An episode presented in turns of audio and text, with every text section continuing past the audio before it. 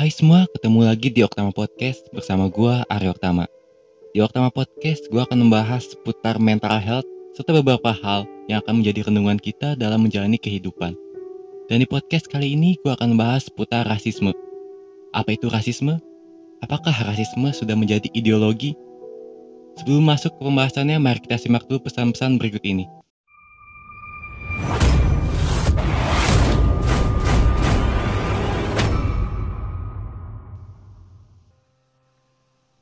Bicara tentang rasisme tidak lepas dari sebuah ras, agama, serta domisili dari masyarakat yang dibicarakan di dalamnya. Bicara mengenai hal itu, timbul sebuah pertanyaan. Apakah setiap insan yang dilahirkan di dunia ini mampu memilih ras apa yang akan dia dapatkan, agama apa yang dia akan peluk, serta di mana dia akan dibesarkan? Hal itu tidaklah bisa kita pilih kita terlahir berdasarkan kodrat Tuhan. Tuhan apa pun yang kalian pilih. Namun, pantaskah sesama manusia kita menilai sesuatu berdasarkan kodrat yang telah diberikan oleh Tuhan? Jawabannya tidak. Di podcast kali ini kita akan membahas beberapa kasus yang telah terjadi di dunia, bahkan yang sekarang sudah heboh tentang kematian George, di mana dia mendapatkan diskriminasi dari polisi kulit putih. Rasisme sendiri ada sebuah paham doktrin yang dianut oleh Britania Raya yang merupakan kerajaan yang memerintah benua Amerika jauh sebelum Amerika mendeklarasikan kemerdekaan dari negaranya. Paham ini berpikir bahwa kaum kulit putih adalah kaum yang lebih tinggi daripada kaum kulit hitam. Yang paham ini terus dianut hingga saat ini. Paham rasisme sendiri terus dianut hingga saat ini di mana kasus rasisme terus bergulir setiap tahunnya. Tidak hanya satu, dua, puluhan, ratusan, mungkin ribuan di setiap negara. Tak terkecuali di Indonesia sendiri pun, kasus rasisme terus bertumbuh hingga saat ini.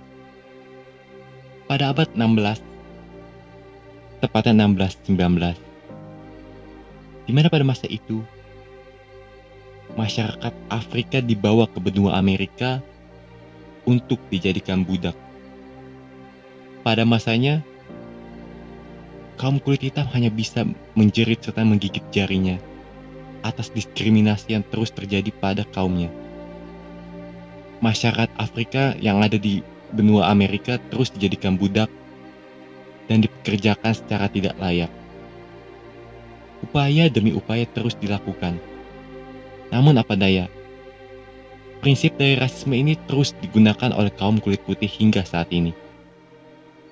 Yang definisi ini pun terlahir pada saat Britania Raya yang terus digunakan oleh kaum-kaum kulit putih.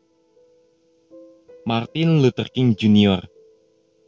merupakan seorang pendeta yang merupakan seorang aktivis HAM tentang penyetaraan gender, ras, agama, di mana pidato yang terkenal adalah tentang dia bermimpi bermimpi bahwa kelak ras kaum kulit hitam mendapatkan kesetaraan sejajar dengan kaum kulit putih serta diskriminasi dapat berakhir. Kaum kulit hitam dapat melakukan kemerdekaan mereka sendiri. Tidak terkekang serta dijadikan kaum budak. Upaya terus dilakukan. Salah satunya adalah dari Abraham Lincoln yang merupakan presiden ke-16 dari Amerika pada tahun 1863 di Proclamation of Emancipation. Dia berupaya untuk menghapus perbudakan, ketidaksetaraan antara serta diskriminasi. Hal ini namun menimbulkan peperangan antar saudara, di mana kubu selatan tidak setuju dengan upaya yang dilakukan oleh Lincoln. Lantaran mereka berpikir, bila perbudakan dihapuskan, maka perekonomian Amerika akan runtuh, tidak akan berkembang, serta berhenti pada saat itu juga. Dan hal ini menimbulkan perang saudara yang terus bergulir yang sampai pada akhirnya berakhir. Serta upaya dari Lincoln ini secara teori telah berhasil. Pokok dari proclamation ini sebenarnya bukan berarti Lincoln ingin menghentikan perbudakan serta meruntuhkan perekonomian. Namun menurut gua, yang dilakukan Lincoln ini sebenarnya adalah memberikan hak yang setara kepada para kulit hitam agar setara dengan kaum kulit putih. Serta memberikan kewarganegaraan yang jelas. Lantaran pada kala itu, kaum-kaum kulit hitam ini tidak diperlakukan layaknya masyarakat Amerika. Jadi yang dilakukan Lincoln ini adalah sebenarnya memberikan status warga negara kepada masyarakat kulit hitam. Pernah kebayang gak sih lu kerja di suatu negara, itu pun karena dipaksa, kemudian dijadikan budak. Namun ketika lu ingin diberikan hak oleh presiden setempat, itu malah menjadi peperangan saudara. Gue sih gak kebayang kalau gue ada di masa kayak gitu.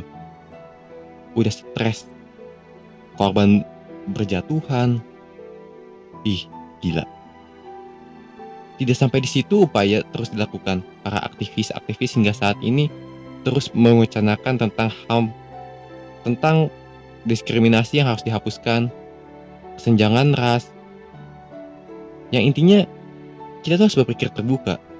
Perbedaan ini bukanlah sebuah halangan untuk kita berorientasi sosial. Masa iya? Lu egois banget lu ingin negara lu hanya dihuni oleh kaum lu, ras lu, agama lu. Kebayang gak sih? Sekalian aja lu bikin negara sendiri. Negara kaum A, kaum B.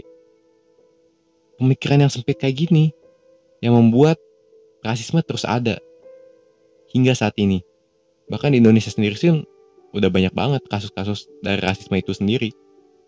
Ih, parah sih.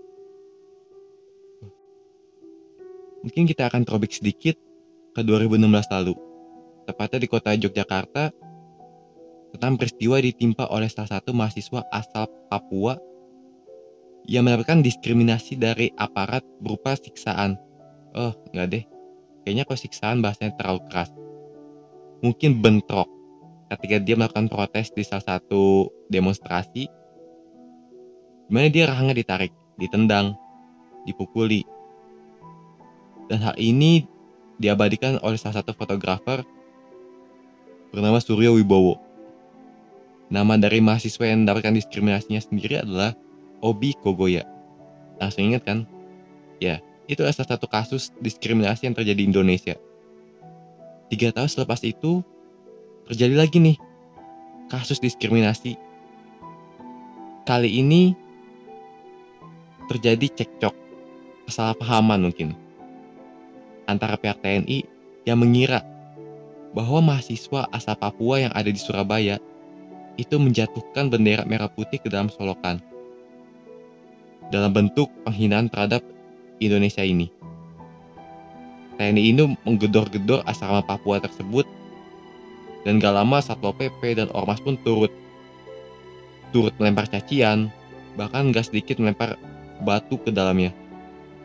Gak lama berselang, pihak polisi menangkap 43 mahasiswa yang kemudian dibebaskan lantaran tidak memiliki bukti yang kuat. Poinnya apa di sini? Karena kesalahpahaman bisa menimbulkan hal yang besar. Bahkan bentuk ini adalah bentuk diskriminasi. Kenapa kita langsung berpikir overthinking terhadap peristiwa kecil seperti bendera jatuh? Tapi kita nggak berpikir bahwa bendera jatuh tersebut adalah bendera yang tertiup angin atau mungkin pemasangan tidak benar. Banyak hal yang bisa menimbulkan hal tersebut. Dan gak selepas di situ pasti banyak lagi diskriminasi-diskriminasi. Mungkin setiap tahunnya terus bertambah. Hal ini mungkin karena kurang edukasi terhadap masyarakat tentang perbedaan ras, agama, yang sebenarnya itu adalah pemersatu bangsa. Ingat, kita Pancasila, demokrasi, negara kita itu negara beragam, dan dari keragaman ini terbentuklah Indonesia. Jadi please, open mindset lu terhadap perbedaan. Jangan menjadi batasan sebagai batasan untuk lu untuk tidak berorientasi. Karena itu akan membuat lu menjadi masyarakat yang tidak berpikiran terbuka terhadap perbedaan.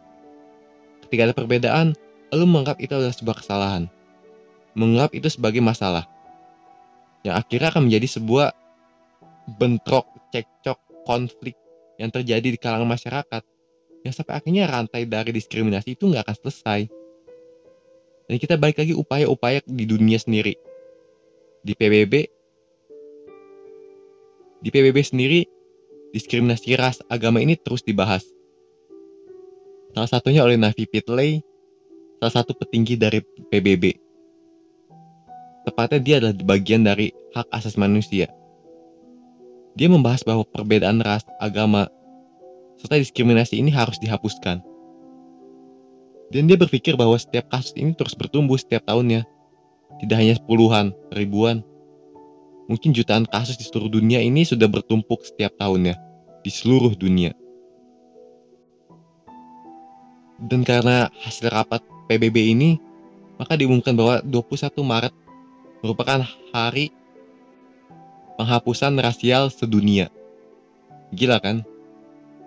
Namun, apakah itu sudah cukup untuk menghapus diskriminasi serta rasisme yang ada di dunia ini? Kalau menurut gua enggak sih. Ya contohnya aja George. Yang meregang nyawa karena tuduhan pemalsuan uang ya. Kalau nggak salah itu deh. Padahal dia udah melakukan penanganan medis.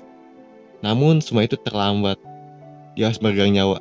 Dan sampai akhirnya sekarang Amerika jadi red zone karena demonstran terus menumpuk menumpuk dan semakin banyak yang menyuarakan bahwa rasisme harus dihapuskan. Menurut salah satu aktivis yang turut dalam demonstrasi kali ini, yang berasal dari Asosiasi Pers atau AP, kasus seperti Josh ini tidaklah sekali atau dua kali terjadi setiap tahunnya. Tapi selalu ada. Mungkin tidak terlalu terpublish kali ya.